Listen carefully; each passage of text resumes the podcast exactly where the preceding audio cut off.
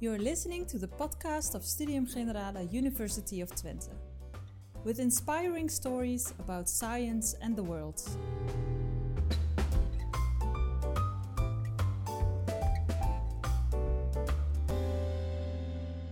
Welcome, everybody. Uh, this afternoon we have Arthur Schopenhauer, the great romantic philosopher, an intriguing figure. Uh, I'm very happy that Dr. Nolan Gertz, who is an assistant professor at this university in the philosophy department, is willing to speak about Schopenhauer. The floor is yours. Great. A, w- a big hand for, uh, for Nolan, please.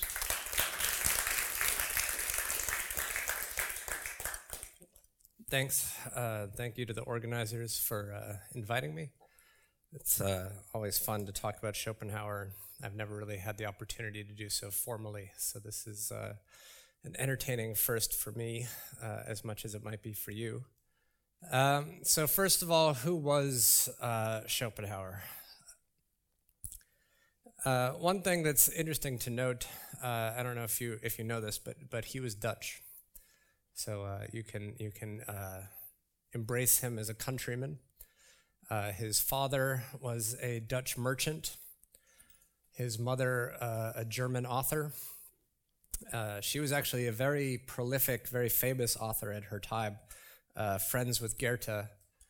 And what's interesting is when um, Schopenhauer uh, is a child, he's he's being brought up to to take over the family business. So he is supposed to become a Dutch merchant, just like his dad. Uh, he's actually named Arthur, uh, very Dutch way of thinking, uh, because it because it works so well in different languages. So this is this is purely a commercial decision why he's named Arthur. But his father dies uh, when Schopenhauer is 17. Uh, it's believed he committed suicide. Uh, so this actually frees uh, Schopenhauer to study philosophy. So if his father hadn't died, we would we would not have Schopenhauer. So he he goes to university, uh, first studies medicine, discovers his love of philosophy, studies philosophy with Fichte and Schleiermacher, two important neo-Kantian, post-Kantian thinkers, uh, who, like a good student, he will attack throughout his work. He then, like many Germans did, uh, flees uh, because Napoleon is coming. Uh, he goes and hides out, uh, sends his dissertation to the University of Jena, which is also where Hegel sent his dissertation.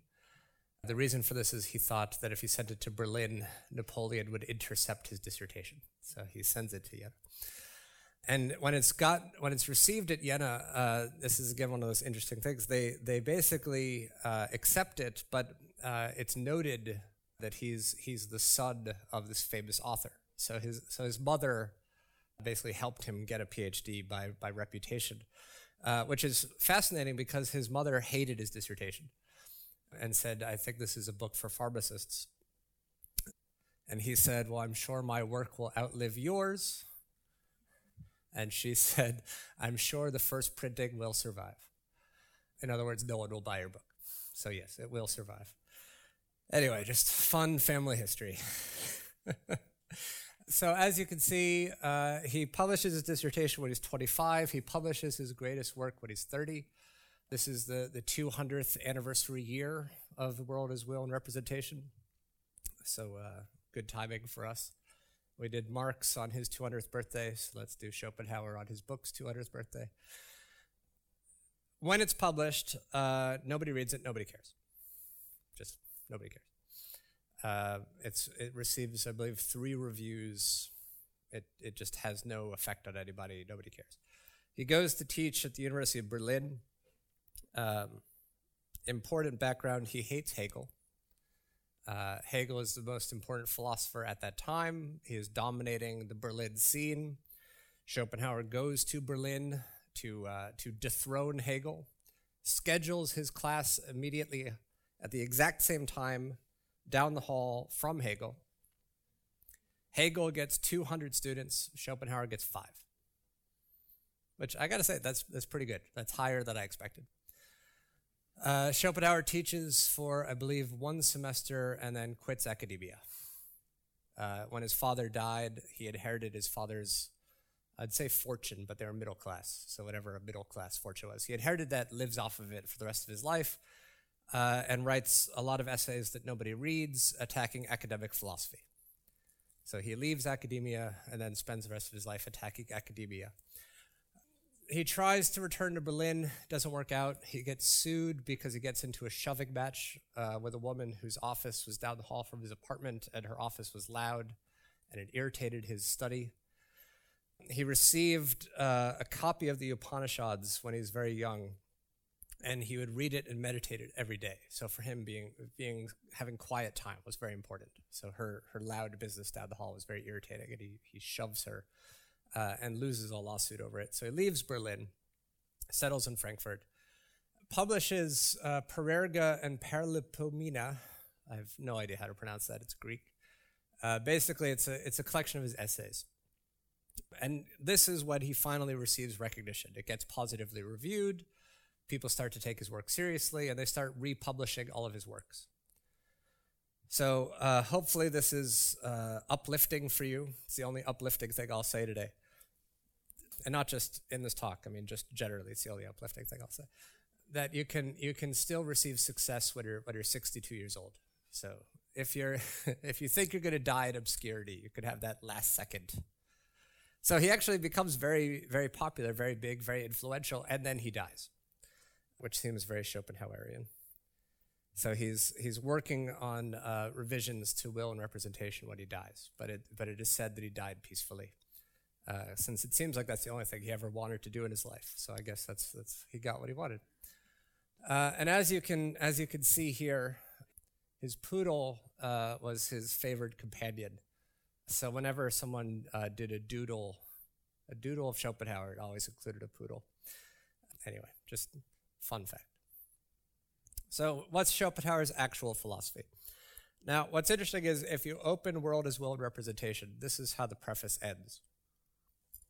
He gives you some practical advice on uh, basically don't read my book. And there are other ways you can use my book that are more useful to you. Uh, doorstop if your table is off. So he's a funny guy.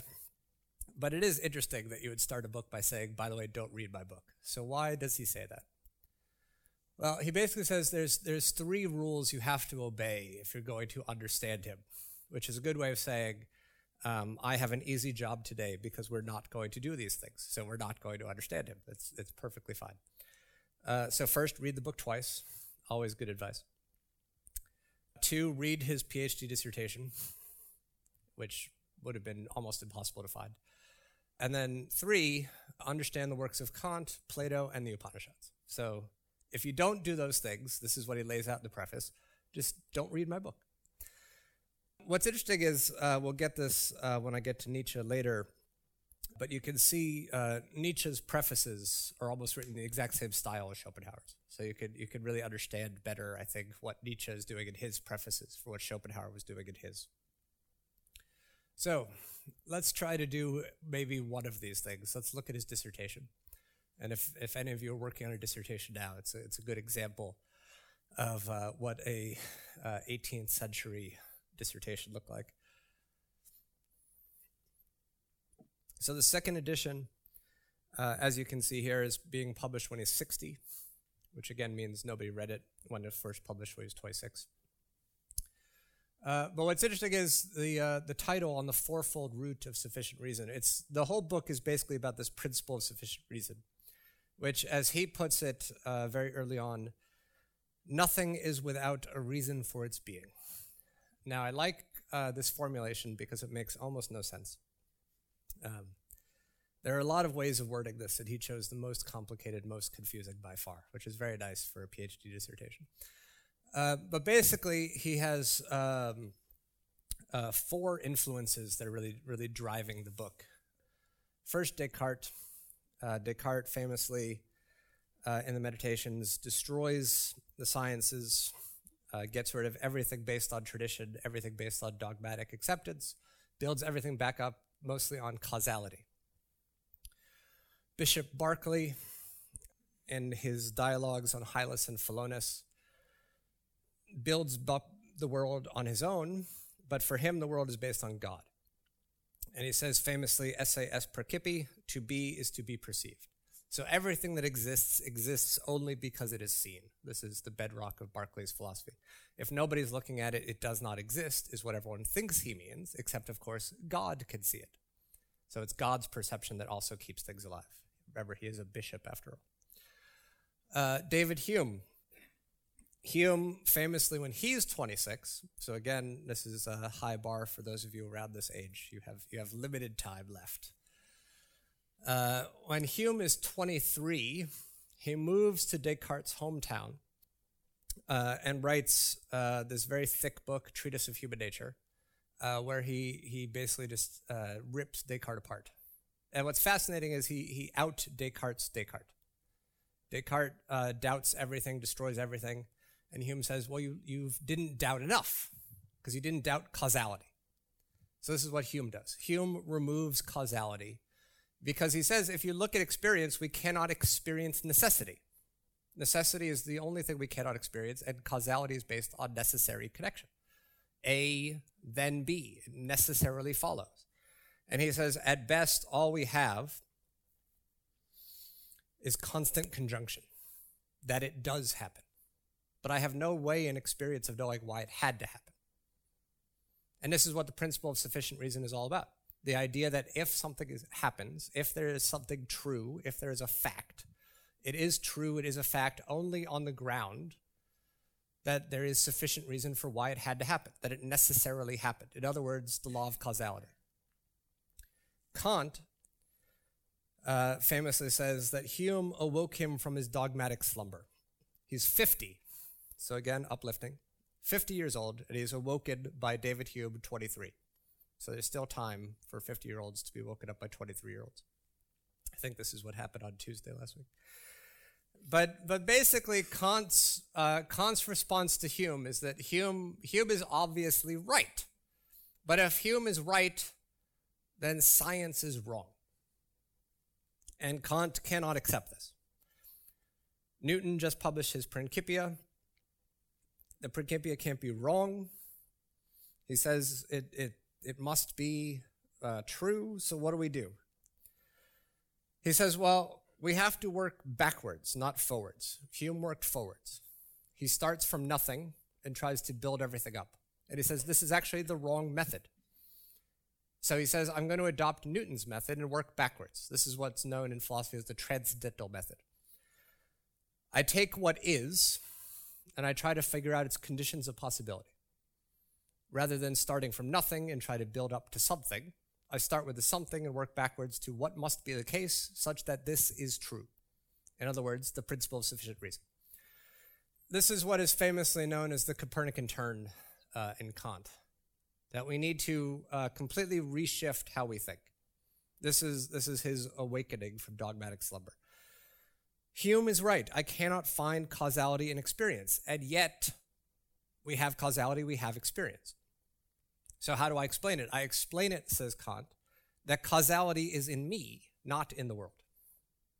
It is me supplying causality. It is what he calls the category of understanding. It is how I experience the world. I cannot but experience the world as cause and effect. That does not mean that cause and effect is out there. Hume is right. It's in here. It's how I organize experience. So, like most philosophers, he has a subject object dualism. And what's important is this idea, uh, famously known um, the noumenal and phenomenal. So everything that I experience is phenomenon. And this phenomenon is the combination of form and matter. The form is me, the matter is the world. And when these two combine, we get phenomenal experience. So this helps to explain why, for example, uh, what color is the dress?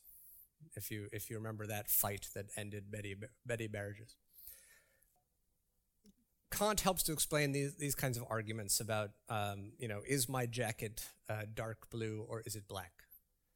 And you can just have fights back and forth over what color it really is. And this helps to explain about what we mean by really is. So Kant wants to say what really is, on the one hand, is what you experience.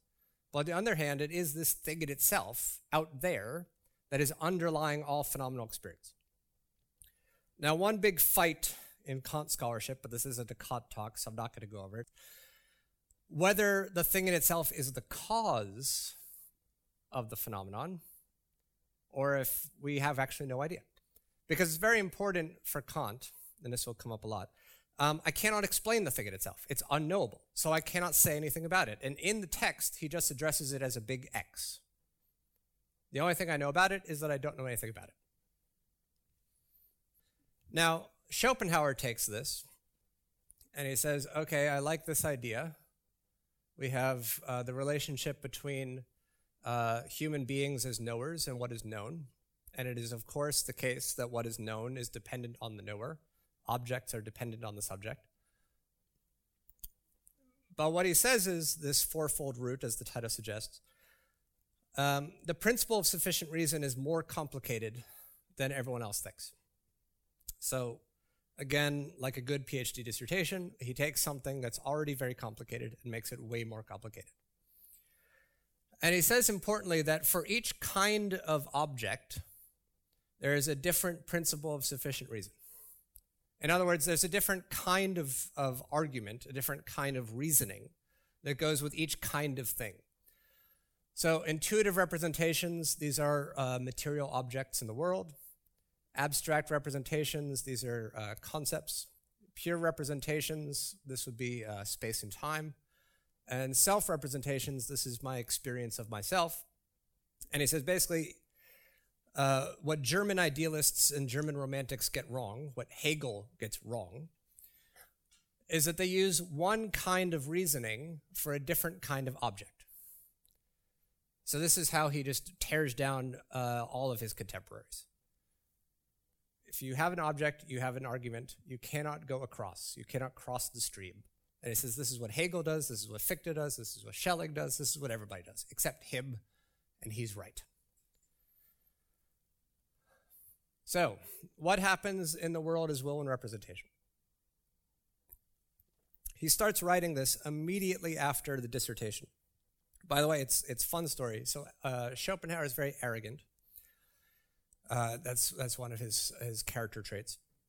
When he submits his dissertation to the University of Jena, he attaches a letter to it and says, you know, please review this very carefully. I'm very sorry if I made any mistakes. Please let me know.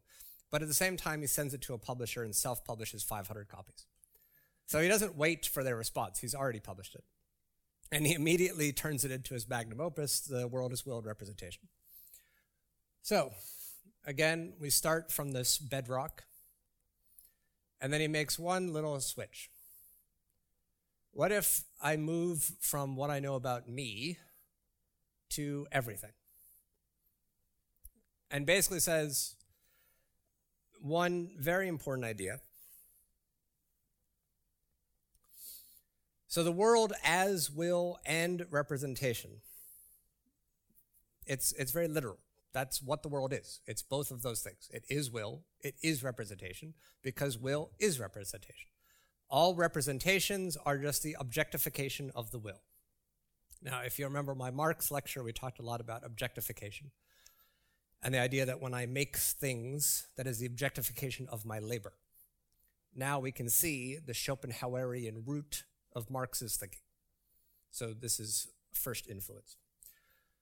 Now, what's interesting is, uh, again, his Upanishadian thinking. Uh, he basically says everything that really is, the thing in itself, everything that exists, is one. We divide things we individuate things, we describe individual things, but again, that's how they appear to us. In reality, there's just one thing will. And he says, in its innermost essence, the kernel of every particular thing and also the whole, it appears in every blindly acting force of nature and also deliberate conduct of man. And the great difference between the two concerns only the degree of the manifestation, the inner nature of what is manifested. In other words, that there is only oneness. That's reality. Reality is oneness. The problem is that we do not experience oneness, we experience plurality. But again, based on his Kantian way of thinking, the plurality is us. It's what we put onto the world, just like we put causality onto the world. So representations are not caused by the will, but are the will objectified and individuated by our experience. Every this, every then, every here, every now, that's us. Will exists outside time, exists outside space. Just like for Kant, the thing in itself did, because space and time are us. So if it is outside of us, it is outside space and time. And also, again, because different objects, different line of thinking, causality cannot be applied to will because will is not that kind of object. Hence, there cannot be any cause. Instead, he uses this term uh, representations are the mirror of the will. The world is the mirror. So, let's get to what everyone came here for the pessimism. Now, what's interesting is he says everything is will. And he gives this interesting, this vision. He's a very good writer. Uh, and because of that, much like with Nietzsche, uh, the poetic ramblings, it's hard to make out uh, what is his imagination and what is his philosophy. Because he, he clearly has this vision of the will as just this, uh, this hunger. Like the, the, the nature of reality is hunger. And this idea that because it is the only thing that exists, it is just feeding on itself. And because we are will, this is what we are doing to ourselves and doing to each other. And this is what is meant by homo homini lupus uh, man is wolf to man. So, in other words, will is wolf to will. Why is that the case? Well, first of all, how can we know anything about it? If it's the thing in itself, that according to Kant, we shouldn't know anything about it. Now, everyone after Kant does this one neat little trick. They say, I can know it. The one thing Kant says you can't do, everyone after Kant says, ha ha ha, yeah, I get it. But I know it. I know it. Why do I know it? Well, for Schopenhauer, I know it because, as Kant himself says, I am thing in itself. If everything that exists exists double as noumenal and phenomenal, then so too do I. And Schopenhauer takes this very seriously and says, well, then I am will and representation, which means I must have some knowledge of will because I am will. So, starting from man, human body, he says basically, I have this within me. Therefore, I can know the nature of the thing in itself by knowing my own nature. If I know myself, I know the will, I know reality. So the whole whole of existence, says Schopenhauer, is in me. And he says fascinatingly that my body, again, like all representations, is will objectified. So uh, he says teeth are just the will's hunger objectified. Uh, he says genitals are just the will's desire objectified. So everything for him uh, is, is just in the body. And he says you can read someone's character on their face. So again, we, we have this sort of um, everything about you is right there. You can just see it. Right? So, what do I know when I turn inward? What do I discover about the will? Eternal becoming, endless flux belong to the revelation of the essential nature of the will. The same thing is also seen in human endeavors and desires that buoy us up with the vain hope that their fulfillment is always the final goal of willing. But as soon as they are to attain, they no longer look the same, and so are soon forgotten, become antiquated, and are really, although not admittedly, always laid aside as vanished illusions. It is fortunate enough when something to desire and to strive for still remains, so that this game may be kept up, of constant transition. Desire, satisfaction, fresh desire rapid course of which is called happiness, the slow course, sorrow. And so this game may not come to a standstill, showing itself as a fearful, life destroying boredom, a lifeless longing without a definite object, a deadening languor. So, pessimism. This is what life is. This is what reality is.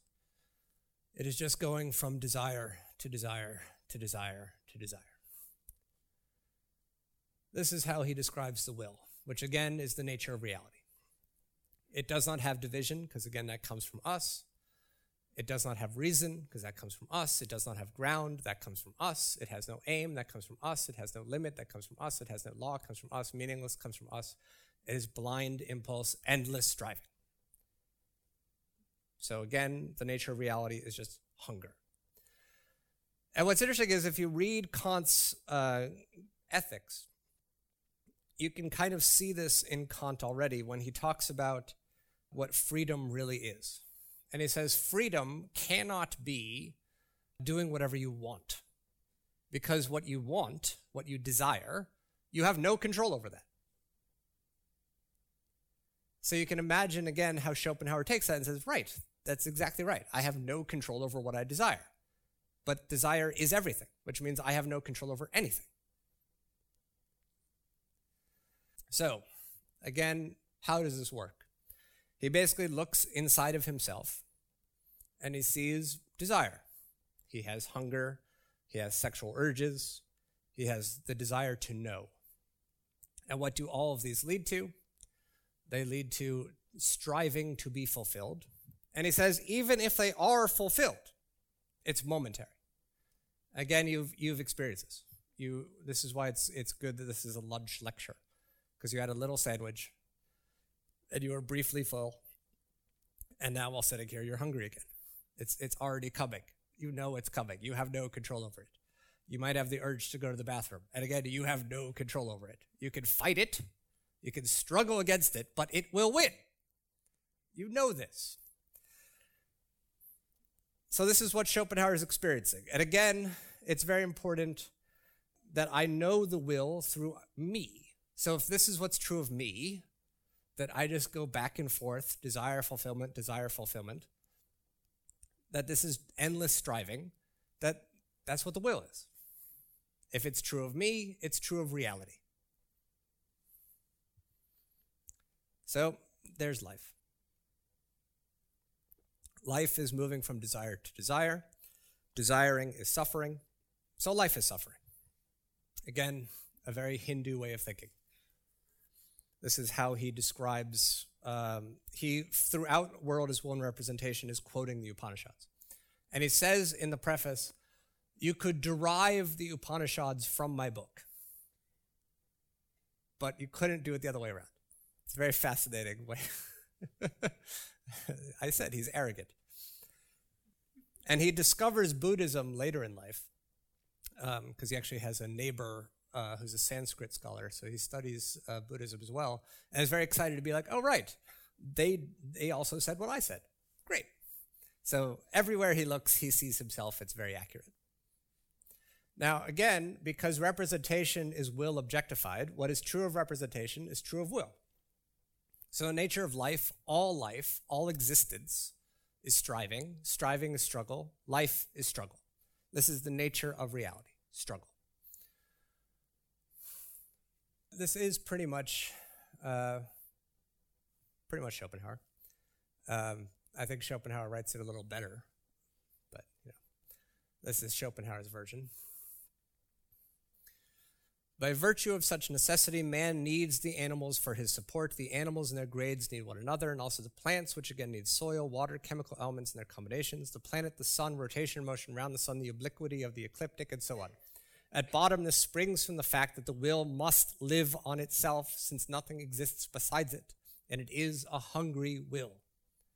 Hence arise pursuit, hunting, anxiety, and suffering. This is where I would play the Hungry Like the Wolf music video, I think.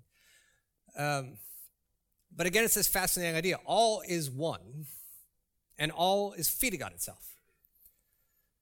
So even though we experience different things, he says, still what we experience is everything feeding on everything below it and striving to make itself perfect. So, what Hobbes describes as the war of all against all, what he describes as a state of nature as the war of all against all, Schopenhauer just says, right. That's what it is. It's the war of everything against everything. Except, unlike Hobbes, who thinks we can, we can get out of it, Schopenhauer says, no, that's just it. That's all it is. Just war. All against all. Forever. Except there is no time. So forever, that's just our perception of it. But really, it's just that's how it is, period. Is there optimism? uh, question mark. I mean, he does, he does sort of say that we can withdraw from this. We can throw off its yoke. We can become free from the will. How do we do it? It gives you some hint. So, again, life is striving, striving is struggle, life is struggle. Could we at least just kill ourselves? I mean, if you're if you're a pessimist, this would be optimism. And what's interesting is um, what's interesting is he addresses this, and he says quite simply, no, because the will wants you to die. You were created to die. So killing yourself won't get you out of this. It'll just give the will what it wants. So there's your there's your why why not kill yourself answer. Because people do ask me this a lot. Peter Paul once asked me, why don't you just kill yourself? Well, this is the answer. Why bother? the ultimate pessimistic response.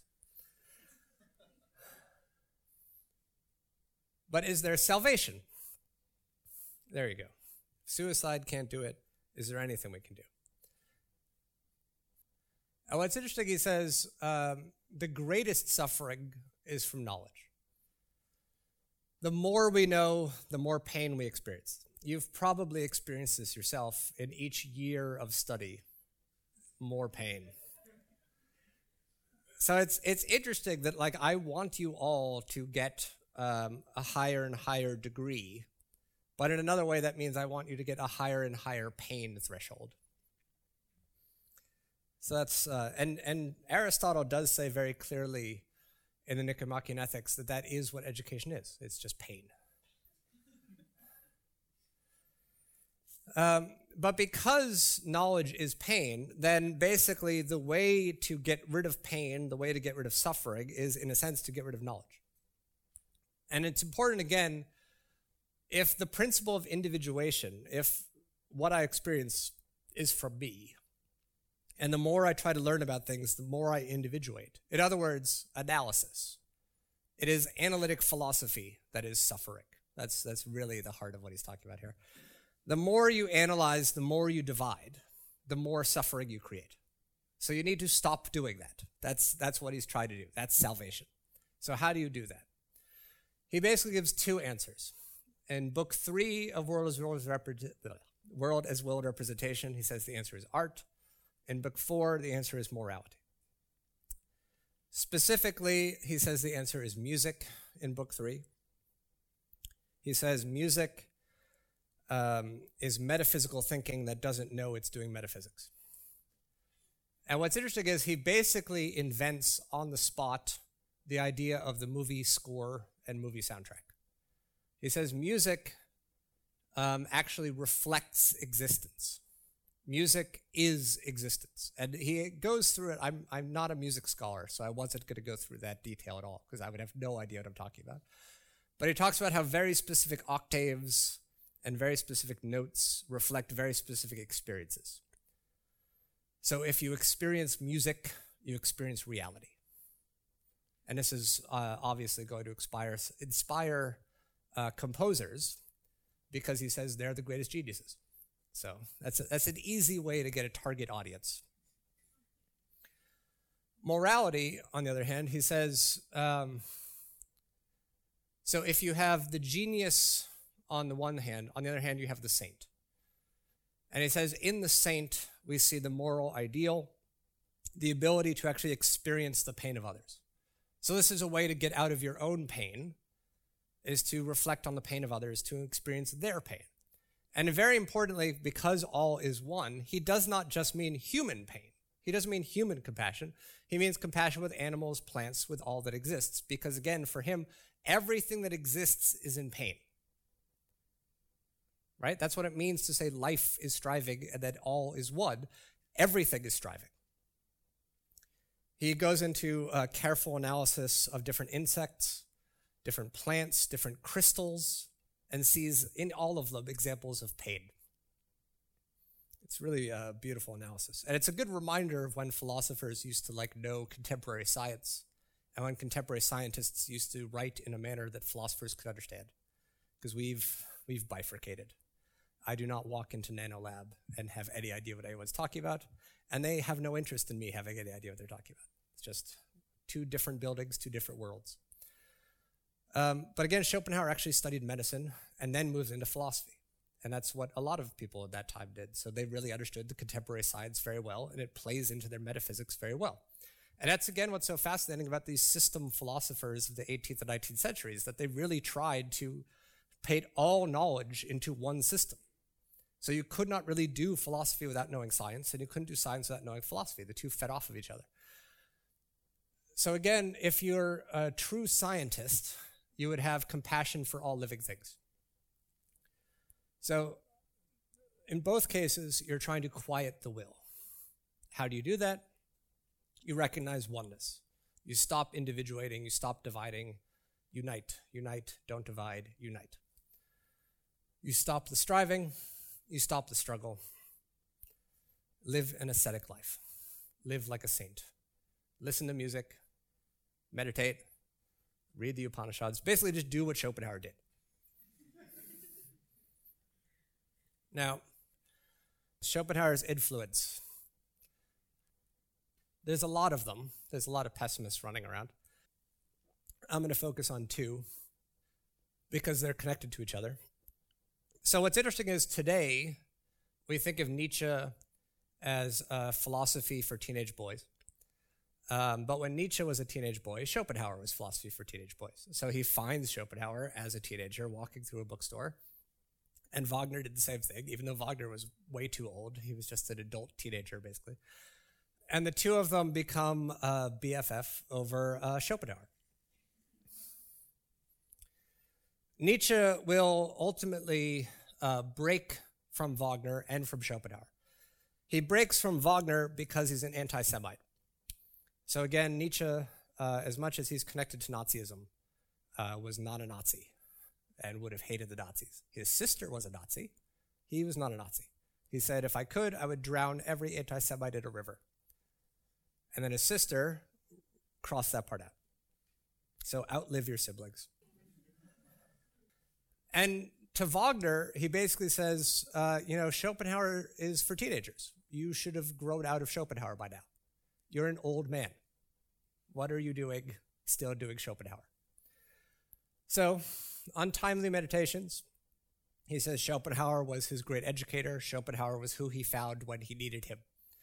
Uh, this is like, uh, you know, if you found like an incel Reddit community, Schopenhauer would be like exactly what they need, right?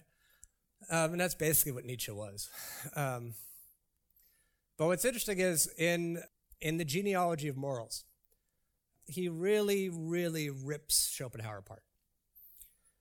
And he says on the one hand, uh, his books, is, I kept saying hunger. He would say it's about being horny. And it's really about how to stop being horny. And this is why it's so important that Schopenhauer was 26 years old when he was writing this. So it's not an accident. Young man filled with desire sees the world as desire that cannot be quenched. And what's interesting, he says, right, Schopenhauer sees this in himself, but why does that have anything to do with reality? So world as will and representation is just Arthur as will and representation. It has nothing to do with anything else. Because again, just like Hume wants to out Descartes Descartes, uh, Nietzsche wants to out Schopenhauer Schopenhauer. You're just you're describing yourself. Just admit it. Be honest. It's just you. There's no reason this has anything to do with anybody else. Now, what's fascinating is that, again, the will to life is very important to Schopenhauer. That is the nature of reality. Life is struggle. And Nietzsche just says, yeah, but that's great. That's not pessimism, that's optimism. And he just embraces it. This is what amor fati, right? Love your fate. We should not hide, we should not resign from this, because he says that's the will turning against life. The great danger to mankind. This is what, for him, nihilism Schopenhauer. So, this is uh, the great influence. And I don't want to say necessarily that pessimism is nihilism, but it's very important, and I try to work this out in my book coming out next year, that pessimism is great for provoking nihilism. So it's Schopenhauer is necessary to awaken Nietzsche. That's it. Thanks.